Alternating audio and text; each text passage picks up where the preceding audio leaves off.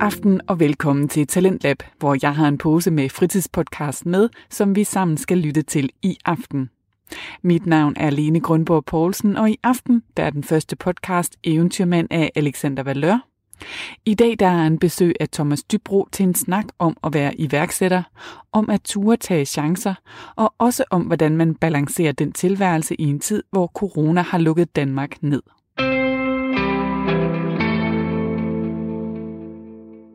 Velkommen til Eventyrmænd.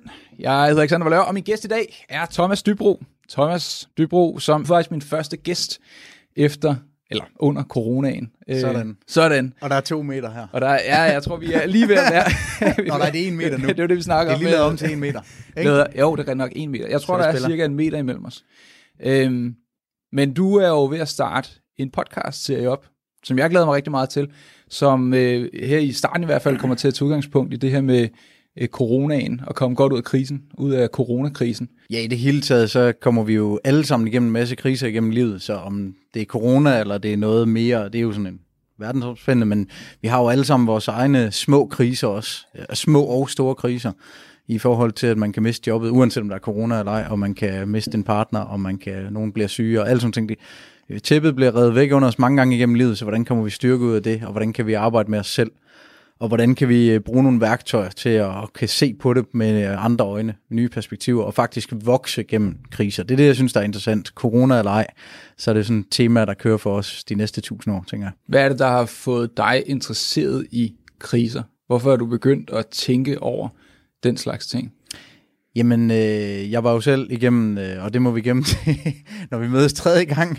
Men øh, vi har jo øh, min bjergbestigningsulykke øh, ulykke her, som skete i 2012 øh, tragisk øh, oplevelse, hvor vi var 25 bjergbestigere, som var på vej op Mont Blanc midt om natten. Øh, og i bælragende mørke, der bliver vi ramt af en lavine, som vælter os alle sammen ned ad bjerget. Og lang historie kort, så er der ni mennesker, der omkom i den her ulykke. Så det var jo en øh, forfærdelig oplevelse, også en traumatisk oplevelse at være igennem.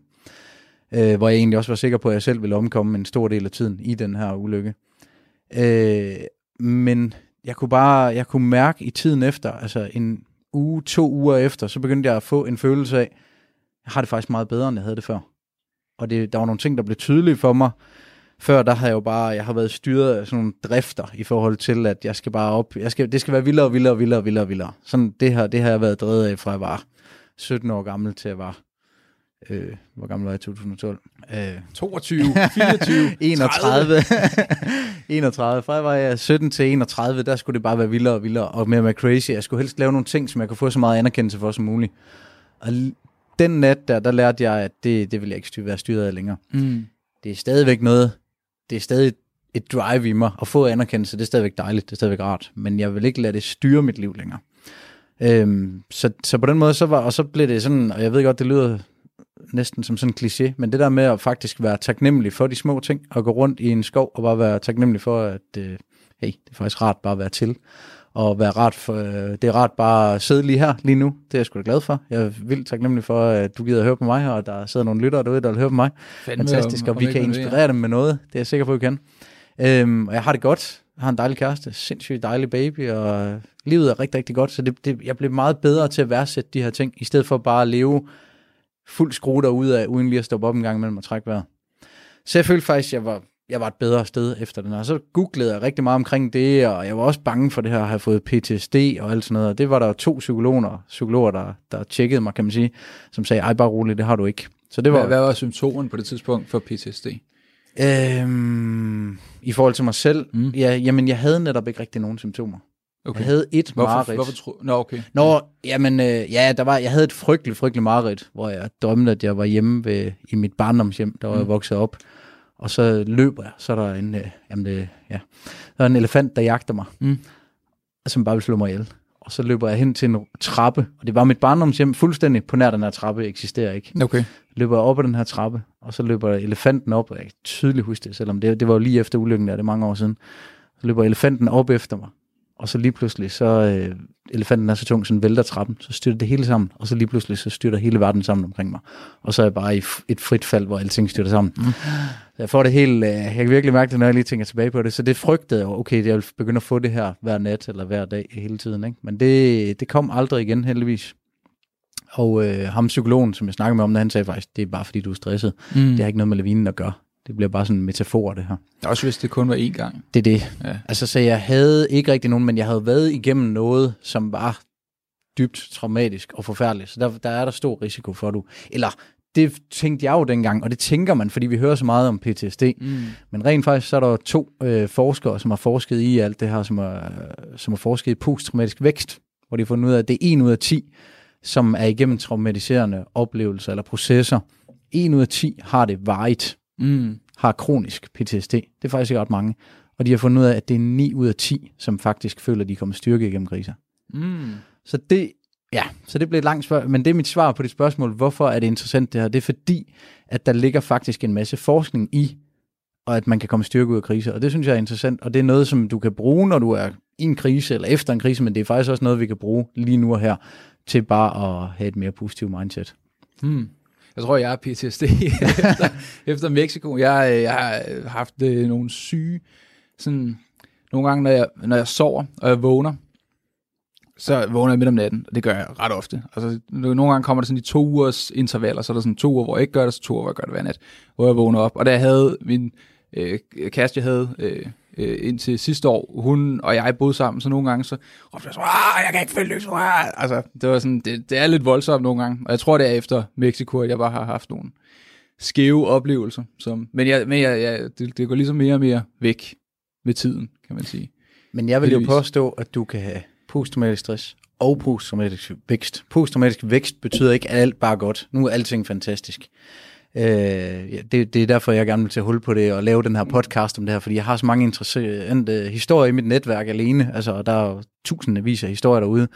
Øh, en, der for eksempel mister et barn, eller en, der mister en nær familiemedlem eller et eller andet, som har det sådan, at jamen, det er jo forfærdeligt. Altså for eksempel så jeg interviewer Sofia Manning, og, og hun fortæller om, hvordan at hun mister sin bror. Og hun vil jo til enhver tid gå tilbage i tiden, hvis hun kunne, og så ikke miste sin bror, og ikke få alt den succes, hun har haft med at skabe den her coachinguddannelse og coachingkarriere. Hun vil erase det hele. Men rent faktisk, så var det det, at hun mistede sin bror, der satte startskud til hele den her udviklingsrejse, som har startet hende, og som har gjort, at hun har bygget øh, nærmest et imperie i Danmark inden for coaching. Ikke? Ja, ja, for øh, så, så der kom noget positivt ud af det. Så det, at vi kommer styrke ud af krise, betyder ikke, at alt er godt. Det er ligesom accept. Accept betyder heller ikke, at man siger, ah, men nu er alting godt. Nej, det er det ikke, men det er, som det er. Og der er både kommet noget godt og noget skidt ud af det, så hvad der kommer godt ud af det? Og hvordan kan jeg dyrke det positive? Ja. Ikke at jeg skal lukke øjnene for det negative og grund og sige, I'm happy, I'm happy, I'm happy, men hvordan kan jeg dyrke de der positive ting fra det, der kommer ud? Og hvordan kan jeg finde ud af, hvordan kan jeg søge ind, endnu mere ind i det? Fordi det, du har oplevet derovre, det er, hvad hedder det, det kan godt være det, måske har du nogle øh, stresssymptomer, i en periode. Måske for altid. Who knows? Måske. Men måske er der også, måske har du faktisk klaret dig igennem situationen og efterfølgende på nogle ting, som du ikke havde sat i gang i dig selv, uden den her oplevelse. Det tror jeg også. Det tror jeg også. Jeg tror, mit øh, produktivitetsniveau er stedet fuldstændig altså gang 800, øh, e-, efter jeg er kommet tilbage og ligesom fundet ud af, at, at livet er skulle for kort til, til sådan noget. Øh, ja, jeg var på et øh, kursus i starten af i år med Michael Kamper, som er, arbejder med positiv psykologi. Og der kom vi også lidt frem til det der med, at desto mere sådan kriser, desto mere ballade, jamen, så det gør os jo bare stærkere. Og det gør os jo bare, at vi kommer bare ud og har mere at kunne berette om. Man kan sige, min position som formidler, der er det jo i virkeligheden godt. Desto mere shit, der sker, desto, desto mere kan, jeg ligesom, kan, der, kan der komme godt materiale ud af det på en eller anden måde. Der er altid en eller anden måde, man kan se noget positivt i tingene. Men i forhold til kriser, det var, hvad, så så efter lavinen, hvad, hvad, la, nu snakker vi egentlig om, hvis vi skulle køre med iværksætteri. Så jeg synes egentlig, det kunne være meget sjovt at starte ud med, hvad, hvad var det første sådan, iværksætterprojekt, du startede? Nu har du været selvstændig hvor mange år? I mange år i hvert fald. Lige så lang tid, jeg har kendt dig. Ja, jeg vil sige 10 år-agtigt. Altså, ja. det, det kommer ind på, hvordan man tæller det jo. Ja, ja. ja. Altså, ja. Hvad var dit første selvstændige eller iværksætterprojekt, du, øh, du startede op? Altså, jeg tror, jeg har altid elsket det der med at at starte noget op og gå ud. Altså, jeg, da jeg var helt lille, 11 år eller sådan noget, der var mig og sådan en kammerat, vi gik rundt, og så spurgte vi bare, hey, kan vi hjælpe noget med jer med noget? Alle dem, der mm. boede sådan lige nærheden af, hvor forældre de boede. Øh, og så fik vi, så slog vi græs, penge. og så tjente ja, vi ja, penge ja. og sådan noget. Og så kan jeg særligt huske, der var et sted, hvor vi fik en hel pakke is, 12 is. Ja. Så tænkte fuck, det er dem sælger vi. Så gik vi, så gik vi rundt, og så spurgte, kan vi hjælpe med noget? Og er der nogen, der vil købe de her is? Vi, det, vi skulle bare skrabe nogle penge ja, ja. sammen. Så det har altid ligget i mig, det der, altså, det har været fascineret af det der med at kunne, kunne sparke nogle døre ind, og så øh, skabe et eller andet. Men det første, første gang, jeg sådan rigtig havde CVR-nummer, det var, da jeg var, jeg tror, jeg var 23 år gammel. Der øh, lavede vi, øh, der, vi fik en idé fra nogle andre, og så tænkte vi, det kan vi også lave det der. Øh, så lavede vi noget, der hed firmasalg, og så havde vi en connection til to gutter, som kunne skaffe alt, ja. lige fra batterier til øh, paraplyer og okay. Adidas jogging set. Ja. altså, de kunne skaffe alt, sådan gear og tøj og sådan ting der. Og så var pointen, så kørte vi rundt, vi var to, øh, der kørte rundt til alle virksomheder i en by. Og så solgte vi kun til personalet. Så for eksempel så, så tog vi ind til en frisør, så sagde vi, vi har nogle produkter her, vi lægger en produktprøve, og så skal I, øh, der var jo ikke mobile pay eller noget dengang, så skal I lægge nogle kontanter, tror jeg, de skulle, eller overføre til en mm. konto, inden næste gang, og så skal I skrive helt lavpraktisk på en seddel, hvor mange skal I have af dem. Og så kom vi med bagagerummet fyldt af skrammel. altså det var, det var batterier, var sådan en sikker hit, det var der altid okay. nogen, der købte. Og så var det jo alt muligt. Og så... Øhm, det var lidt random, er det ikke? Altså, eller hvad? Fuldstændig random, men det var... Øh, vi, vi, hørte jo, vi hørte om en dude, der lavede over 50.000 i overskud i måneden på det der, ja. 23 år gammel, så tænkte jeg helt sikkert, at vi kan gøre det endnu større end det der. Ja. Og det var også, så skulle det jo bygges videre, fordi når man så havde dem inde i netværket, så ville vi jo sælge rejser til dem, altså så ville mm. vi udbygge det. Så der var allerede mange perspektiver med det. Men der skete så det, at så, øh, så havde de noget fedt tøj, som vi solgte. Øh, man vil nok i dag kalde det sådan camping habit okay. næsten, ikke? Men altså, det, folk de synes, det var fedt, og især børnetøj, er jo, og det ved jeg jo selv nu, hvor jeg har fået en baby, for kæft, mand. Det er jo altid en mangel var, hvis det er fedt. Øh, og så kørte vi ud, og så tæskede vi bare det der ud, og så sagde de alle sammen, men nu er det ikke kopivarer, vel? Fordi mm. det var mega meget op i medierne der. Og de lovede os, de der to gutter, der kunne skaffe, nej, nej, nej, det er det ikke. Og sådan en dag, så var jeg nede på kontoret, og så kom vi til at snakke om det der med kopivarer, så skraldgrinede de. Mm. Så de skulle da kopivarer, alt det, vi ja, har fået indtil nu. Og så fik jeg bare mega kolde fødder, og så ja. mistede jeg alt tilliden til dem. Og faktisk så var det bare, øh, ja, så gik det faktisk helt i stykker lige der. Fordi jeg havde sådan, jeg står og lover folk, at det her, det er virkelig gode produkter, og sådan ting. Det kan jeg simpelthen ikke have med at gøre. Så de det, ja, tabte heldigvis ingen formue for det, fordi så meget kostede det ikke, de der batterier og skrammel, men, men det, det crashede ligesom der. Men det var super fedt. Altså det der, det der, øh, det med at drømme stort og tage action og starte på et øh, sort kort, og så stille og roligt bare gå mok. Det var, og hver eneste gang, man lige fik nogle gode salg ind og sådan noget, det var en fed følelse. Mm. Jeg elsker det med at bygge noget og, og sætte det i gang. Ja. Er du også sådan en, øh, en, en opstart, en startup guy? Ja, det er det, der er min styrke. Jeg, jeg har jo så haft nogle virksomheder, som, hvor jeg faktisk har lavet det samme i x antal år. Ikke? Så, mm. men, øh, men det, er det, der, det er det der med at optimere tingene. Det, jeg er ikke ham, der vedligeholder. Det skal jeg have nogle andre til. Ja. Jeg, jeg, jeg hørte en historie for ikke så lang tid siden om en, øh, en fyr, der havde solgt, hvad fanden, måske var det Brian fra Kult, eller sådan et eller andet. Jeg kan ikke huske, hvem det var, men det var en eller anden, øh, en eller anden der havde været ude og så sælge de der skub op is. Mm. Du kender de der trekantede nogen, øh, man kan klippe øh, toppen af, og så øh, skubber man op.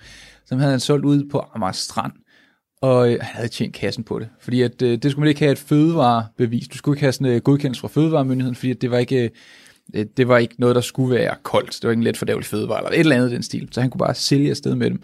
Han købte dem, fordi det var 3 kroner stykket, og stod ud på Amager Strand og solgte fordi det er 20-25 kroner for en fucking uh, trekantet skub op is.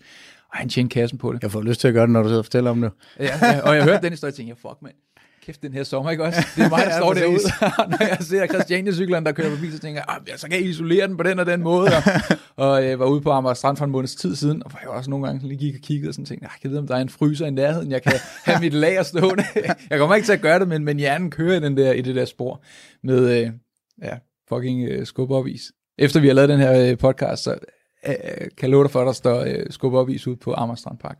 Ja, hvis du går ind i et Excel, og så skriver ned, hvor mange is du kan sælge på en time, så er du altså ret hurtig Excel-millionær. Altså, så er du helt flyvende ret hurtigt. Ja. Ja, jeg er ret, ret ofte Excel-millionær, det har jeg også gjort mange gange. det var da første gang, vi blev millionær.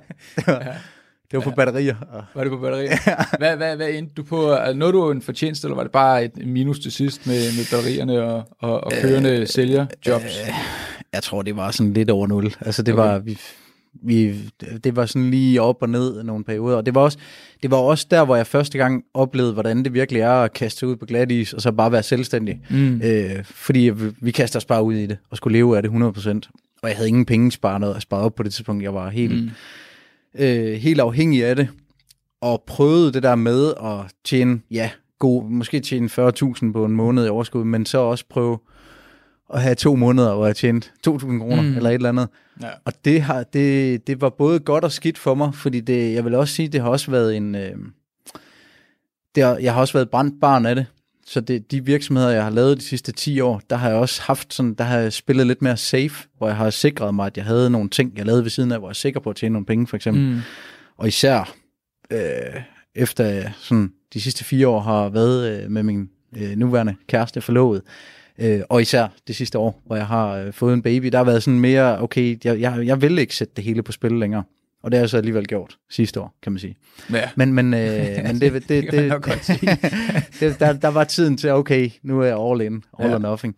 Men ellers så vil jeg sige, at de sidste 10 år, der har jeg egentlig også været den, der var fortaler for, også i forhold til andre, der, der starter op med ting.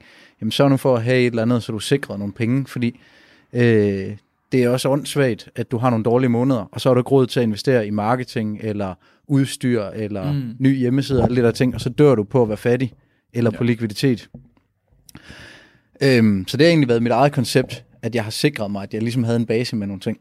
Og det, det er jo selvfølgelig, det går så ud over, at, at du bruger tiden på det, som tager dig væk fra det.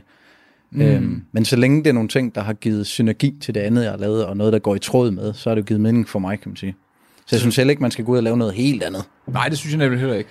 Det er også, det er som om, der sådan findes tre typer iværksættere. Der er dem, der sådan har på en eller anden måde tjent en formue virkelig hurtigt, og så har de bare fuck you money, og så kan man gøre, hvad man vil. Øh, og så er der dem, der ligesom tjener penge sideløbende med iværksætteriet, og kan få det hele til at køre rundt. Det er måske der, hvor vi begge to er. Altså, at, øh, at, at, at det ikke altid er iværksætteriet, der har været nummer et på, på penge-tingene, øh, men så har der været noget sideløbende, der ligesom har kunne få det til, at, at, at maskineriet kunne køre. Og så er der iværksætter, der ligesom sådan, alt hvad der kommer ind, det ryger ud med det samme igen, og så er det bare fra, fra hånden til munden hele ja. måneden. Ja. Øh, ja. Sådan var det dengang. sådan var det dengang, ja. Og sådan har jeg også haft det på gang. Ja, meget ofte. ja, det, det der, det, og det er jo bare det der med, at så, så er der en måned, hvor det går sygt godt, og så er det bare sådan, fuck man, jeg skal mig ud og spend the, the money, og så næste måned, så, så er der no money. Ja, og det, det kunne jeg jo gøre dengang, hvor jeg ikke havde nogen, jeg skulle stå ja. til ansvar for. Ja. Altså, og ikke, øh, ja, på et eller andet tidspunkt, så, altså, det er også bare blevet tydeligt for mig, det betyder, for meget, det betyder meget for mig at have et hjem, jeg synes, der er fedt og dejligt og rart og alle sådan nogle ting der, så det, det, det har jeg smidt en masse penge efter, og det, det, det gjorde jo også, at jeg er nødt til at tjene nogle penge.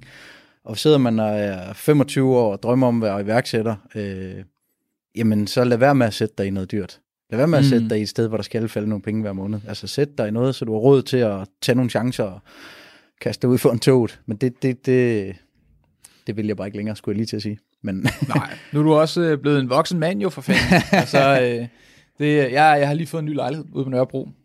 2.000 kroner om måneden. Det er den mindste lejlighed, og jeg siger dig, der er simpelthen øh, højlytte naboer. Og, øh, og jeg har en, øh, en gut, der bor på trappen, som øh, hver onsdag, øh, så bor han på min trappe, øh, ryger hash, og øh, jeg kan høre hans, øh, hans snotter øh, hele natten lang. Så, øh, men, men 2.000 kroner, det, det, øh, det kan noget på, på sin egen måde. Men øh, ja. ja. jeg glæder mig også til at komme videre til den jeg mærke. det, øh, okay, men så, så du startede ud med, med, med at være kørende sælger, og så gik det ikke helt som håbet. Hvad, hvad skete der så?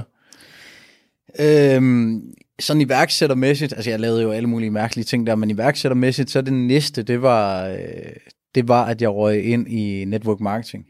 God gammel. Hvor, ja, God hvor gammel. Jeg, altså alt det her multilevel marketing, øh, home parties, pyramide. Øh, hvad, hvad, for, hvad for nogle firmaer var, var, var du, øh, kørte, du, kørte du sammen med?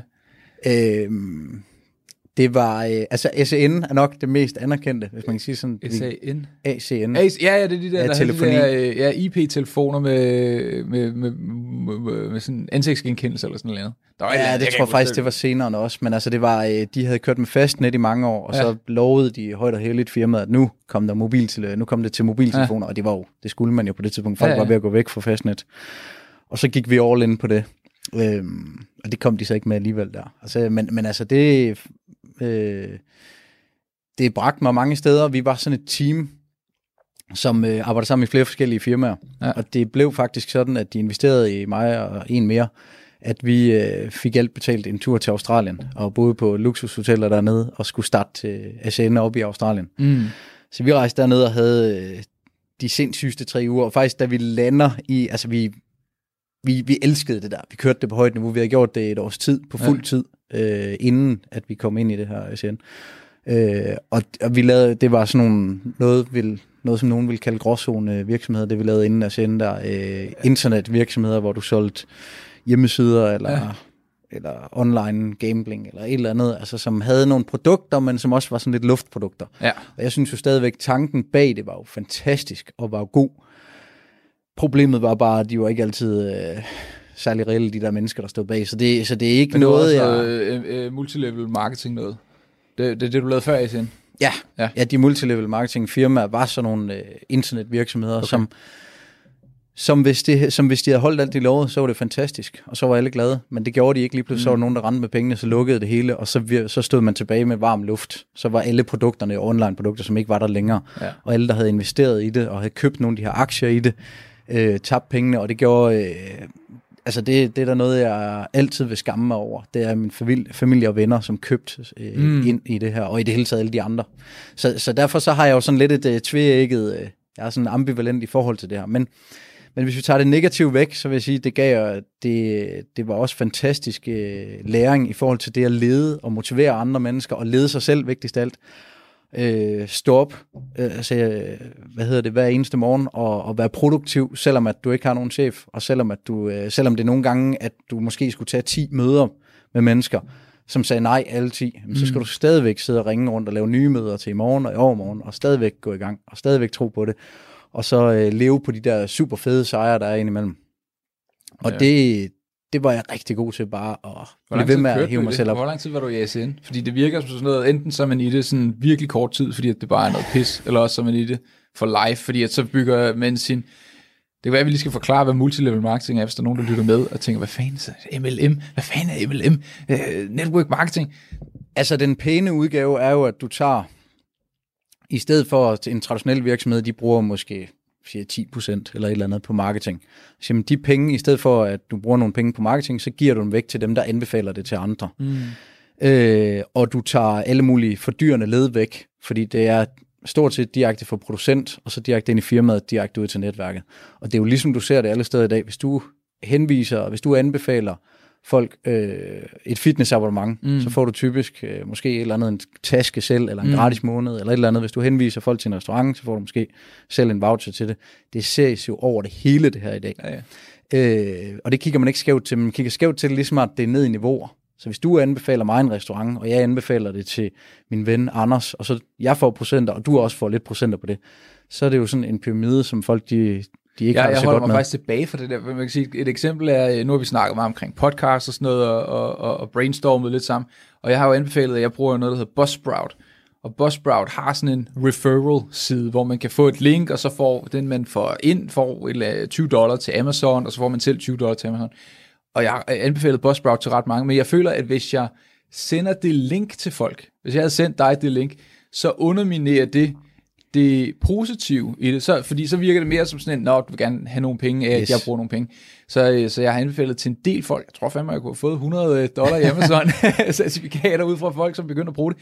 Men, øh, men jeg synes, det underminerer ligesom, hvor godt det er, hvis jeg inddrager det. det er det, der er faren ved det hele tiden. Er det, når folk de anbefaler noget, er det så, fordi de øh, virkelig kan stå inden for det? Mm-hmm. Og det er mhm. også, men det er jo det samme alle steder. Det er jo ligesom, hvis du i din podcast anbefaler, at vi skal spise de her bar, eller drikke den her drik, jamen er det fordi, du får det gratis, eller mm. er det, jeg tjener penge på det, eller er det fordi, det er reelt godt? Det er jo det, det, er jo, det, er jo det samfund, vi lever i. Ja. Øh, så om det er network eller ej. Men altså hele pointen er så, at man kan bare bygge et netværk, og det der, hvad hedder det, gerne skulle drive det, det, der, det du gerne skulle tjene penge på, for at det er reelt, og for at det ikke bare er et pyramidespil, men for at det er reelt network marketing, det er, at du får procenter af en omsætning af et reelt produkt. Og det er jo for eksempel et reelt produkt, for der er ja. også meget lort indimellem. Ja, når men for eksempel ACN, det var, de samarbejdede med TDC, så det var mm. jo et, hvad skal man sige, de gjorde det jo godt, at de var øh, rundt i de fleste steder i verden. Øh, og, og, og, og du tjente penge på procenter af omsætningen af telefonien, hvilket er fornuftigt. Det, der så er problemet med de her network marketing selskaber, det er jo tit, de sælger et dyre produkt, hvor de siger, at den her energibar, den, øh, har nogle, øh, den er dyrket på nogle, øh, øh hvad hedder det, øh, planter, som mm. du kun kan fa- få fat i i Tahiti. Og derfor så koster den her øh, bar, den koster 50 kroner. Ligesom de har lavet fitness-æg på et tidspunkt. Ja, men alt muligt, og alt det der superfoods og alle de der ting. Og der var, jeg har også øh, været med til at solge til noget, hvor det var sådan nogle øh, noni-planter, netop fra mm. Tahiti, hvor det kostede et eller andet 400 kroner om måneden for at få de her vitaminer. Øhm, det man masser af. Så man fordyrer det, det for, at man kan tjene penge på den måde. Og sådan var det også med SN. Det handler jo ikke om at finde nogle kunder, det handler om at finde nogen, som kunne finde nogle kunder. Og når du så fik de der mennesker ind, som betalte et par tusind kroner for at komme med i det, for at kunne finde kunder, så var det der, du tjente pengene. Mm. Og det er der, hvor det begynder at blive en gråzone, og der, hvor det bliver farligt. Øhm, ja. men, men vi kørte på, vi knoklede på, og vi havde, fordi vi havde gjort det godt i nogle andre, i de her internetvirksomheder inden, øh, som vi sådan nåede at flygte ud af lige inden de crackede, kan man så sige. Øh, fordi vi har gjort det godt inden, så fik vi nogle specielle deals, når vi, så vi, mm. da vi gik ind i ASN, så fik vi en særlig deal, hvor vi tjente nogle helt andre penge, end hvis du normalt går ind i det. Mm. Og det betød også, at vi kunne gå fuld tid på det med det samme. Så da vi lander i Australien, efter at have været undervejs i halvandet døgn eller et eller andet, mm. så havde vi direkte fra lufthavnen bil ud til de næste fire møder, var bare booket dum, dum, dum, dum. Og sådan kørte det, så jeg, så jeg vil sige, jeg var halvandet år, du spurgte lang tid, mm. jeg har været der i halvandet år, tror jeg, i network marketing, to år måske. Øh, men det var til gengæld fuld tid, og det var fuld on. Altså, og nogle gange, altså, jeg ved ikke, hvad rekorden var, men jeg kunne have otte møder på sådan en dag nogle gange. Altså, jeg gik amok, og det var weekend, og det var aften, og det var nærmest midt om natten nogle gange. Altså, så, så det var sindssygt intenst og fedt. Altså, jeg elskede det, og vi var jo også et team, som motiverede hinanden. Og, så hele det her med at, at motivere sig selv, søge viden fra andre, søge nogen, øh, hjælpe hinanden, når man er, også selvom for eksempel de to virksomheder, jeg har i dag, der er jo sådan set fuldstændig solo, mm. men jeg rækker ud til mennesker og får hjælp af andre, og, og vi booster hinanden og sådan ting, og det tror jeg, det er sindssygt vigtigt. Jeg hører så mange selvstændige sige, at ah, men, altså, de føler sig alene i det og sådan noget. Mm. Men ræk nu ud, der er masser af steder, hvor du kan få noget support. Lyt til en podcast, få noget inspiration. Øhm, så øh, jeg var, og så var jeg ude af, altså efter de der par år, var jeg helt ude af det, så var jeg inde i en kort periode igen et par gange, men ellers så, øh, så har jeg været ude af det, men jeg vil sige, tankerne bag har jeg jo brugt i øh, alle de ting, jeg har lavet. Jeg har jo lavet events igennem syv år, hvor jeg har lavet øh, arrangeret forhindringsløb, Evolution ja, Race. Ja, ja. Øh, der, altså tanken om, øh, hvordan man bygger noget op, hvordan man får folk til at henvise andre osv., øh, hvor, altså alt det personlige i at knokle nogle gange i perioder og kunne motivere sig selv til at, til at nogle gange også køre sig selv ud, helt ud over rampen, ikke? for at få noget til at lykkes. Altså det, der synes jeg, alt det, jeg har lært i, i de der par år i network marketing, det har jeg skulle taget med mig. Så holdt jeg jo rigtig mange foredrag, hvor jeg skulle præsentere de her produkter. Ja. Øh, og det, det blev jeg jo ret hugt på, allerede der i start 20'erne, midt 20'erne, da jeg så, var i gang med så, så network marketing var med til ligesom at få dig op på en scene og tale foran folk? Ja, ja. og jeg var ved at dø ja. de første gange. altså, første gang jeg skulle tale for 10 mennesker, som jo primært var mine venner og familie, ja. altså jeg var fuldstændig makspresset. Og jeg kan huske, et af de første gange, der havde vi aftalt, at det var mig, der skulle holde øh, præsentationen for 30 mennesker måske. Ja. Jeg tror, jeg var 24 år gammel. Altså jeg kan stadig huske, at jeg var virkelig, jeg var virkelig ved at dø. Og så spurgte jeg en af de andre der, kan du, kan du ikke tage det? Jeg, ja. jeg kan sgu ikke. Og så gjorde han det sgu. Ja. Så det dem, der kender mig i dag, vil sige, what? Det giver ingen mening, du ikke har taget den ud, for det er sådan en, der har taget alle udfordringer. Og hvis han har sagt, nej, du skal gøre det, så havde jeg også gjort det selvfølgelig. Mm. Men der var jeg faktisk så max presset, så jeg gav den videre, den der. Øh, og i dag, der elsker jeg bare at stå på en scene. Jeg elsker at lave foredrag, når jeg ja, det, det, føler, at jeg kan det, give noget til nogen. Og, og jeg knivskarp til det, det er jo det, er jo det vi kender hinanden igennem, er jo, øh, er jo fra, fra undervisningsverdenen. Jeg har en, øh, skulle jeg sige gammel kammerat med en, jeg, øh, jeg kendte for, for nogle år siden. Jeg kan huske, at han havde spurgt mig og, og en anden, om ikke vi kunne komme hjem til ham på et tidspunkt. Han vidste godt, at vi ikke gad at køre ind, så sådan noget Herbalife, øh, øh, sådan noget pulverdrik noget, øh, som øh, sikkert er godt for dem, det er godt for. Øh, men, men, men det var ikke noget for mig i hvert fald. Og, øh, og så havde, havde han så, der har jeg måske været 21 eller 20 ah, måske, øh, 20 år, og så havde han spurgt mig og en anden, om vi kunne komme hjem til ham, og så bare virke helt vildt interesseret i hans produkter. og så bare sådan, wow, den her, øh, den her jordbær øh, mos, hold kæft, den smager godt, men, og så blander man den bare med vand. Hvad for noget? Min hud er blevet meget renere. Nej, boy, det er vel nok, ej, sikke gode, øh, øh, ja, og så, øh, så skulle vi så hjælpe, og det var jo det var der ikke noget i vejen med på det tidspunkt. Det var jo fint nok at gøre som sådan en 20-årig, der, der tog lidt pis på det hele. Men han er stadigvæk i det. Jeg tror, han har været i det lige siden.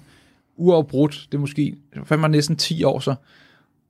Og jeg tænker tit, hvad fanden man kunne have gjort med de 10 år. Altså, så han kunne have bygget sit eget firma, sit eget, du ved, øh, Nutramino 2, eller øh, du ved, et eller andet legit. Altså, nu siger jeg legit, som om, at Herbalife ikke legit. Det kan godt være, det legit. Jeg ved det ikke. Det virker ja, det en lille smule øh, øh gakket, øh, metoden, øh, fremgangsmetoden for at sælge. Men altså bare kunne bygge sit eget, eller du ved, hvis du har været i ASN i to år, for eksempel.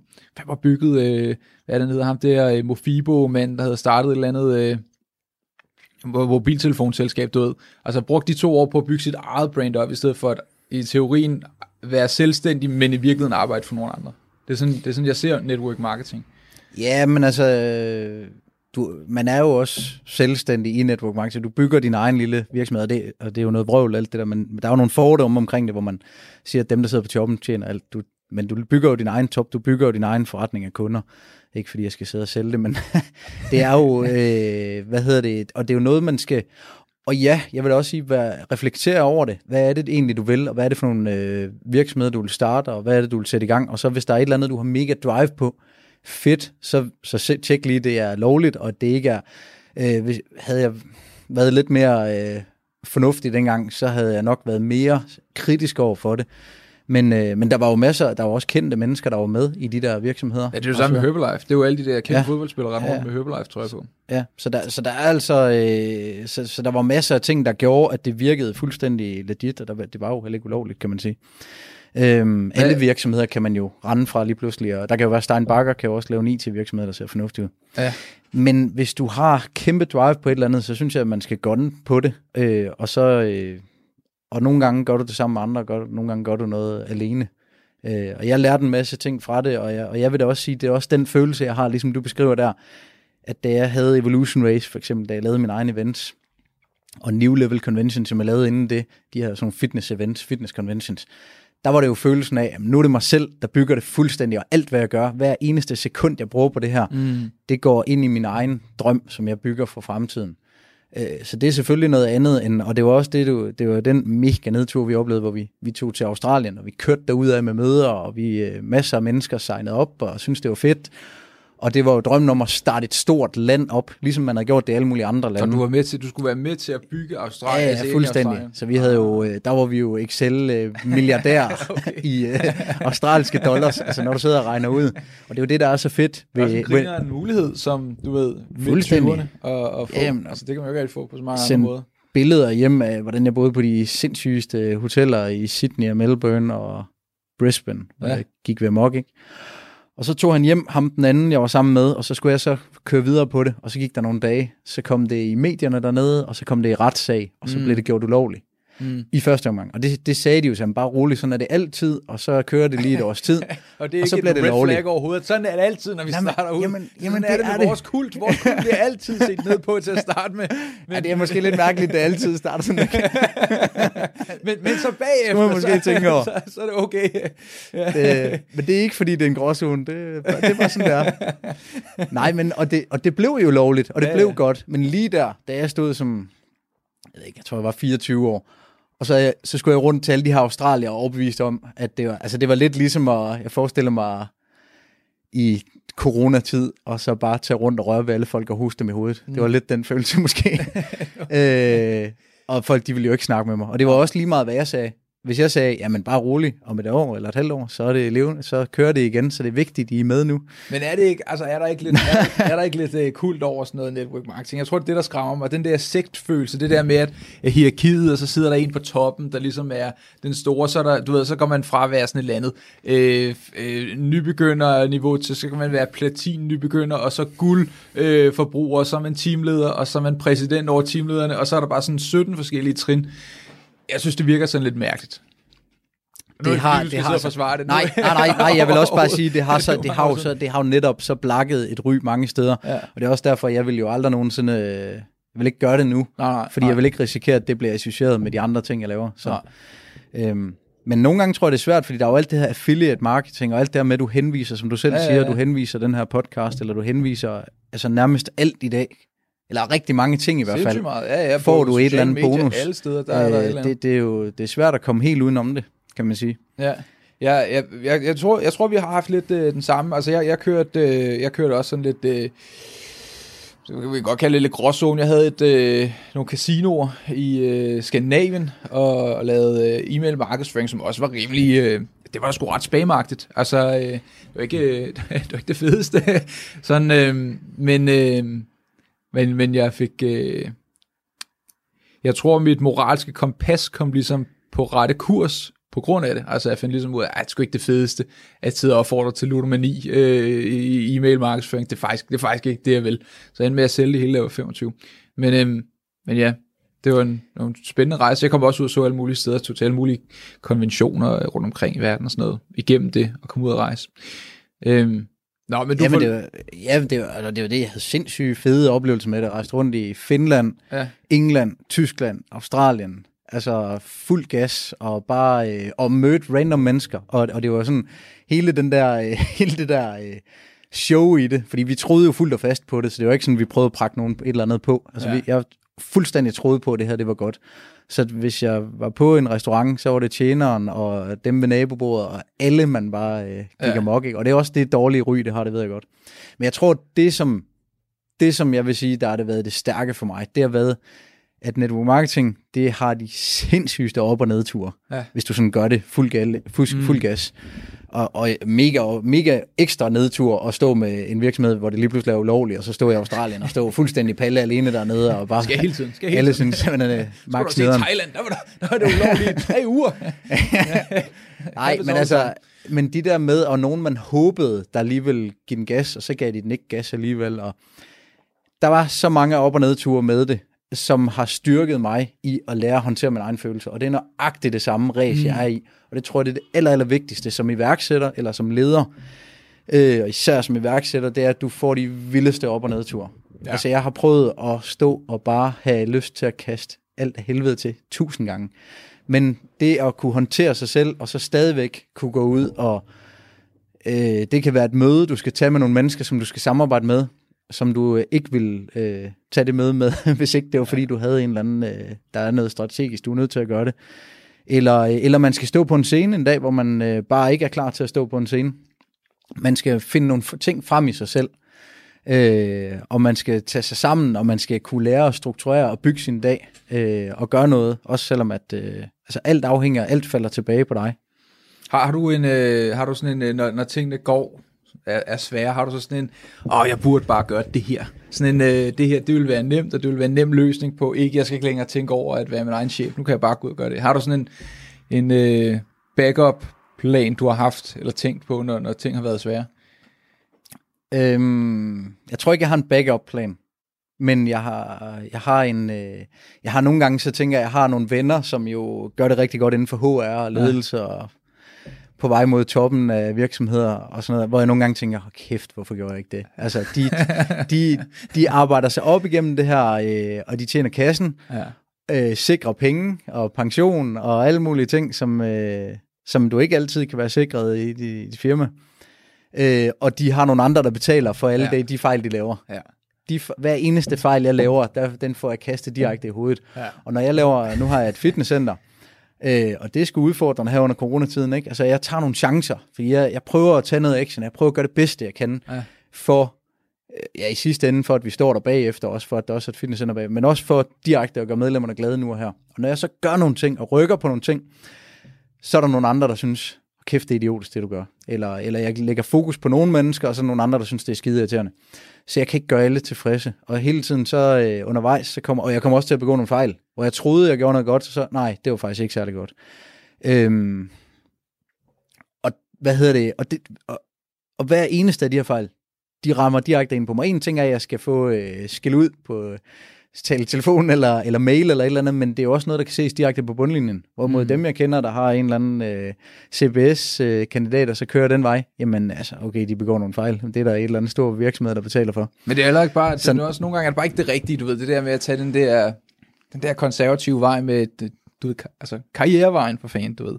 Den der traditionelle med, at jeg tænker også på det. Kæft mand, jeg kunne finde mig her kur, kur, kur. Jeg tror bare ikke, jeg havde været glad, det der, med at skulle være en eller anden konsulent i et eller andet. Du ved, nu vil jeg gerne ind i mediebranchen med podcasts. Jeg kan bare ikke forestille mig selv at skulle arbejde for Danmarks Radio. At der så er nogen, der så siger, hey, hey, hey, du snakkede lige en lidt for grov hmm. Og omkring øh, woke-kulturen, øh, eller sådan et eller andet. Eller... Det må kun tage 22 minutter, det afsnit. ja, lige præcis. Du er gået 10 sekunder over. Øh, det kan man jo slet ikke. Men nej, altså, det, ah, jeg ville slet ikke kunne gøre det. Jamen, det er også den, jeg falder tilbage på. Men selvfølgelig får jeg de der tanker nogle gange, hvor at, hold kæft, hvor har jeg valgt en besværlig vej. Ja. Altså, øhm, men, men så, øh, når jeg sådan tænker over det, så nej, jeg, der er ikke nogen, jeg har lyst til at bytte med. Altså, jeg, det jo, det med, og det, og det er jo sjovt ikke, fordi vi siger jo altid, hvorfor vil du være selvstændig? Jamen, det er friheden. Ja. Okay, friheden, den der frihed, jeg har, når jeg sidder klokken 12 om aftenen og sidder og laver regnskab og svarer på mails, og skal ind og rette et eller andet panik ja. i systemet, som er gået ned, eller et eller andet, eller, eller skal sidde og lave en plan, eller et budget, eller whatever. Øh, nej, det er ikke lige den frihed. Eller når jeg troede, jeg skulle have weekend, men så lige pludselig er der et eller andet, der er gået af helvede til, så er jeg nødt til at sidde fredag aften og hele lørdag og, og gøre et eller andet. Men der er noget frihed i det nogle gange, for jeg kan også vælge nu her i kommende weekend, øh, forhåbentlig, der trækker jeg stikket i tre dage og tager, øh, tager afsted øh, med min dejlige dreng og har du kæreste. Svært, har du svært ved at øh, navigere i din tid? Altså at, at sige, nu er du på, nu er du ikke på. Altså når du kommer hjem, er der nogensinde, hvor du sådan, du ved, sidder med telefonen fremme på, på de forkerte tidspunkter og, og, og holder øje med, med ting, eller hvordan har du det med det? Det er fuldstændig styr på. Har du det? Nej. et, et, Ej, jeg arbejder meget på det, det vil jeg sige. Det er, og jeg har øh, heldigvis en sød kæreste, der er god til at slå mig i kasketten okay. på en kærlig måde. Fordi jeg ønsker, heller, jeg ønsker ikke at leve et liv, hvor jeg hele tiden er på, eller, og hvor jeg ikke lever, fordi jeg hele tiden... Mm. Og en ting er, at man lige skal ind og tjekke en mail, eller lige ind og gøre et eller andet. Jeg tror næsten det største problem, det er det med tankerne. At man, hvis, man, hvis ens tanker er hele tiden på øh, på ens arbejde. Ja. Øh, og det er jo noget, alle kan genkende, uanset om du er ansat eller leder eller iværksætter. Øh, og det tror jeg, det er rigtig, rigtig vigtigt, at vi gør nogle ting, at vi laver nogle ritualer for, øh, hvad hedder det, at gøre det tydeligt, lave nogle tydelige markører, der hedder, at nu er jeg hjemme, og nu er jeg på arbejde. Ja. Og nu, øh, og hvis jeg så, og faktisk så vores hjerne, den fungerer jo sådan øh, helt lavpraktisk på vaner, at hvis jeg vender mig til, at jeg kan ligge i sofaen, og sten Netflix. Jeg kan også ligge i sofaen og være nærværende med min kæreste. Jeg kan også ligge i sofaen og være øh, sidde og lave noget arbejde fordybet på, på min mail. Jamen, så, så vil alle de her ting flyde sammen. Hvorimod, hvis man er god til at være øh, struktureret, så siger man, hvis jeg skal lave noget arbejde, så skal jeg sætte mig hen ved det her skrivebord. Ja. Fordi så ved jeg, okay, så er det placeret på arbejde, så når jeg går hen i sofaen og går ind i stuen, så er det ikke arbejde. Og det tror jeg, det er noget, de rigtig mange de fejler på i dag, og de sidder og tjekker mails om aftenen og sådan ting der. Og nogle gange har jeg selv været nødt til det, øh, fordi jeg, øh, hvad hedder det, jeg har jo en ni måneder baby, som jeg gerne vil hjem og være sammen med om eftermiddagen også. Så nogle gange så er jeg afsted en hel dag, øh, hvor jeg kommer alt for sent hjem til at se ham. Øh, så har jeg ham forhåbentlig om morgenen eller formiddagen eller et eller andet. Men hvis jeg har prøvet, lad os sige, at jeg er afsted fra 8 til 3, jamen så vil jeg gerne hjem og være sammen med ham, enten klokken 2 eller 3, indtil mm. han går i seng klokken 7. Øh, og så vil jeg hellere prioritere, at jeg så sidder om aftenen en time eller to timer, og så laver jeg et eller andet på computeren. Så der er det sådan et bevidst valg.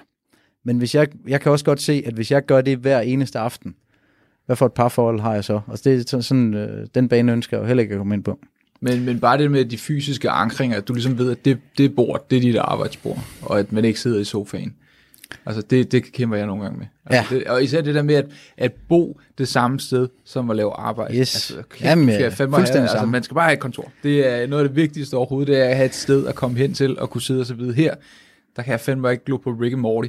Øh, men modsat, så kan jeg heller ikke sidde derhjemme og så øh, øh, sidde og besvare e-mails ja, kl. 12 om aftenen. Nej. Og det er et kæmpe problem, især for det, jeg laver, fordi der er nogle ting, de stopper bare ikke. Øh, de stopper ikke klokken 16 eller et eller andet. Hvis der er et eller andet øh, galt med systemet i fitnesscenteret, så, øh, så er det mig, der skal, mm. eller også så er det i hvert fald min højre hånd, der skal, jeg skal sørge for, at der sker noget, at det bliver ordnet. Ja. Øhm, og hvis, det, hvis der er et eller andet helt galt, altså nu har jeg jo oplevet øh, i, jeg overtog det her fitnesscenter 1. oktober sidste år, øh, og, først, og, og i starten af december, der væltede alt. Okay. Altså jeg havde ligesom øh, halvanden måned eller sådan noget, øh, hvor at tingene de egentlig kørte ret godt, og hvor det er sådan, hey, fedt, det, det, der er work-life balance her, og jeg, min, fitness, eller min foredragsvirksomhed, den kører også derude, og jeg coacher nogle klienter, og, og jeg er god til at få uddelegeret og få nogen til at ordne så mange ting som muligt, så jeg får det hele til at gå op. Og så lige pludselig så ramlede det hele bare. Altså så, øh, så skulle jeg skifte fra PBS til Nets, Og så har jeg jo øh, et system bag, som hedder Sport Solution. De gør det rigtig godt, og Net gør det rigtig godt. Ja. Problemet var bare, at der var en af de to, som har lavet en eller anden fejl. Nå. Og de, de, de mener så, at den ene har gjort den anden. Mm. Og, og, men det er bare mig, det går ud over. Så det betød, at alle medlemmer de fik et øh, SIV-kort sendt hjem.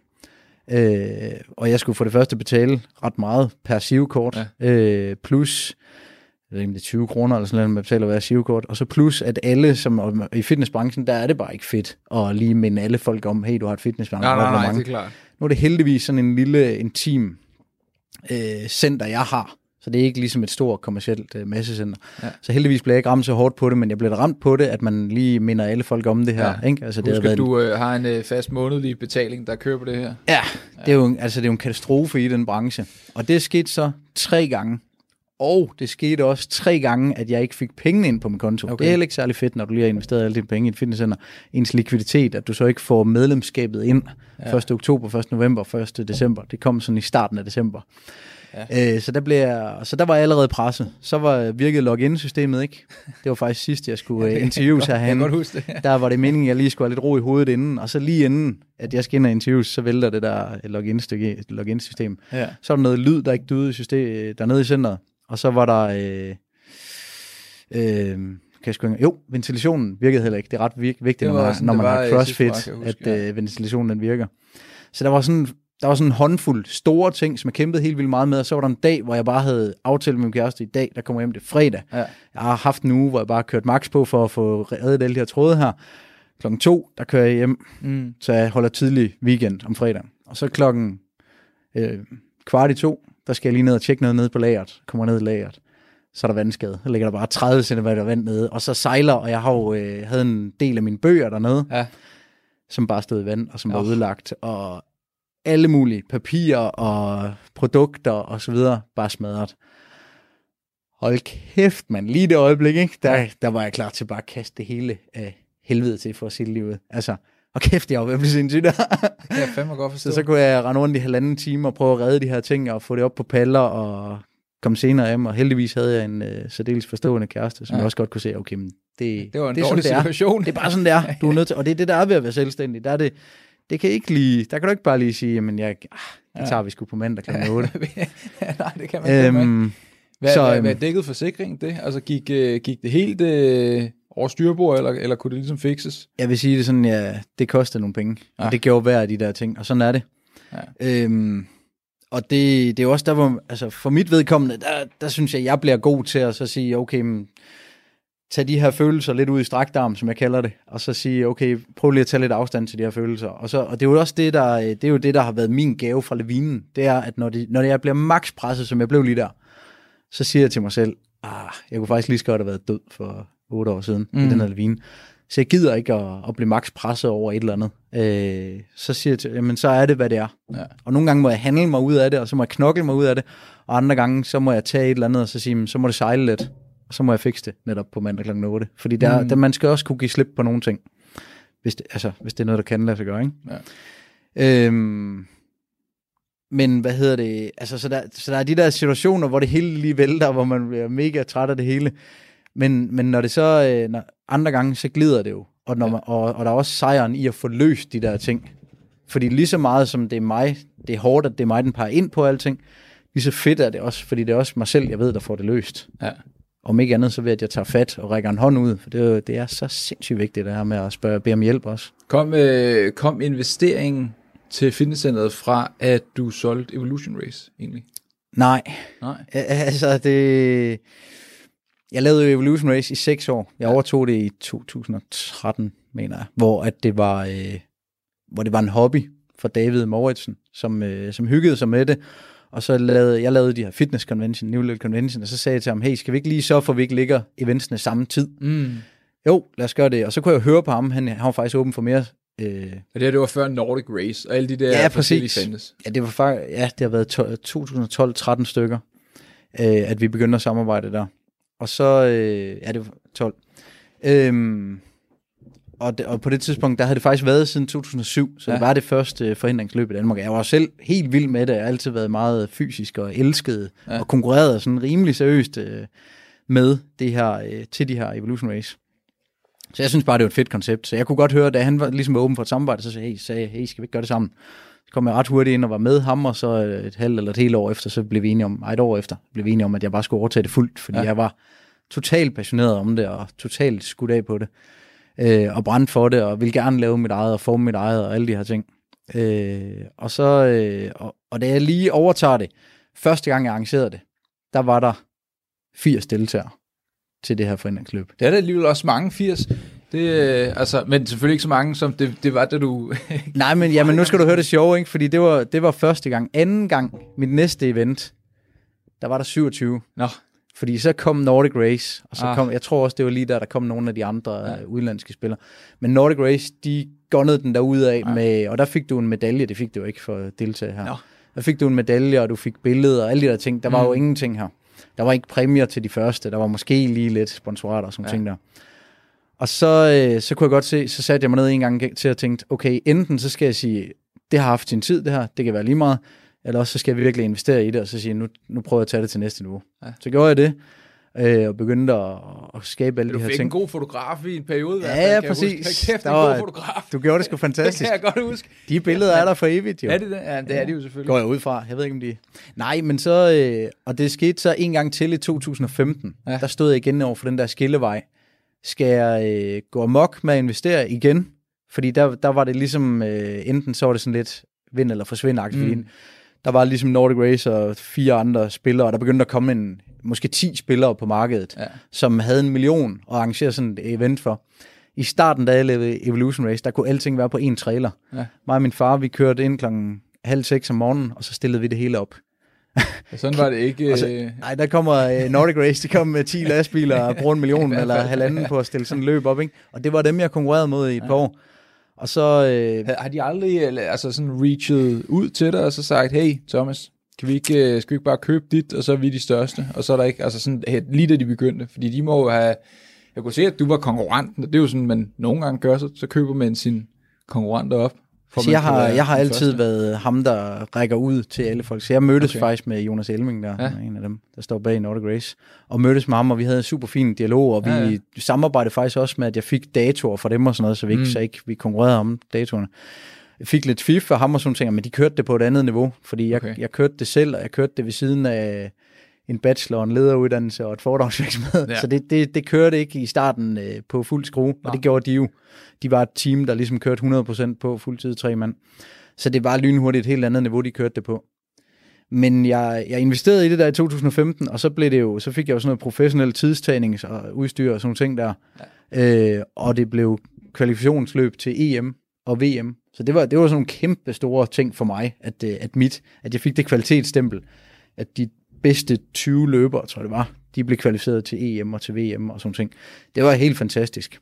Og så, så jeg har ligesom, jeg har investeret i det to gange stort, og så i 2000 og, ja, hvad er det så været, 18, stod jeg over for en gang til, øh, slutningen af 18, skal jeg investere kæmpestort i det en gang til, og tage det til næste niveau, og satse hele butikken igen, satse al min tid og penge. Hvad var der gjort, at du skulle, skulle stå over for det på den måde igen i 2018? Jamen, der var vi kommet op, altså de sidste, øh, jeg solgte det jo sidste år, kommer jeg helt tvivl, jo, for et år siden, ikke? Øh, 2019, og lige inden da, der var jeg begyndt at have de her 420 deltagere eller sådan noget til min event. Så det var, det var, det, det var, var super fedt. Ja, ja. Øhm, men jeg var også oppe og bruge rigtig mange penge på at arrangere sådan et løb.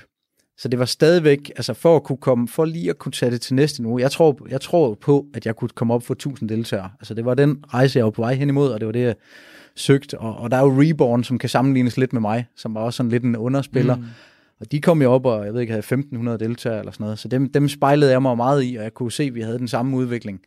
Men jeg kunne også godt se, at hvis jeg skulle op og, og gøre de samme ting som dem, så skulle der laves nogle endnu mere professionelle videoer. Meget dyrere marketing. Mm mange flere penge i alt det her annoncering. Øh, dyre forhindringer. Altså, der var mange ting, der skulle investeres i. Der, så jeg skulle måske have et helt andet lager, end jeg havde. Ja. Øhm, og det var... Øh, så det, der kunne jeg bare se, nej, jeg kunne mærke, der var nogle andre, der skulle videre med det her. Og så var der nogle andre, der brændte for at tage det videre. Så tænkte jeg, energien i alt det her, hele drivet og alt det, jeg har bygget, det kan tages op på et helt andet niveau, hvis der kommer noget nyt energi. Mm. Friske mennesker. Det var podcasten Eventyrmand med Alexander Vallør. Efter nyhederne der er jeg tilbage med mere Talentlab og podcasten Forbrydelse og Moral med Jakob Bachmann. Den podcast den sætter også fokus på corona, men denne gang i et mere juridisk perspektiv med fokus på retssikkerhed.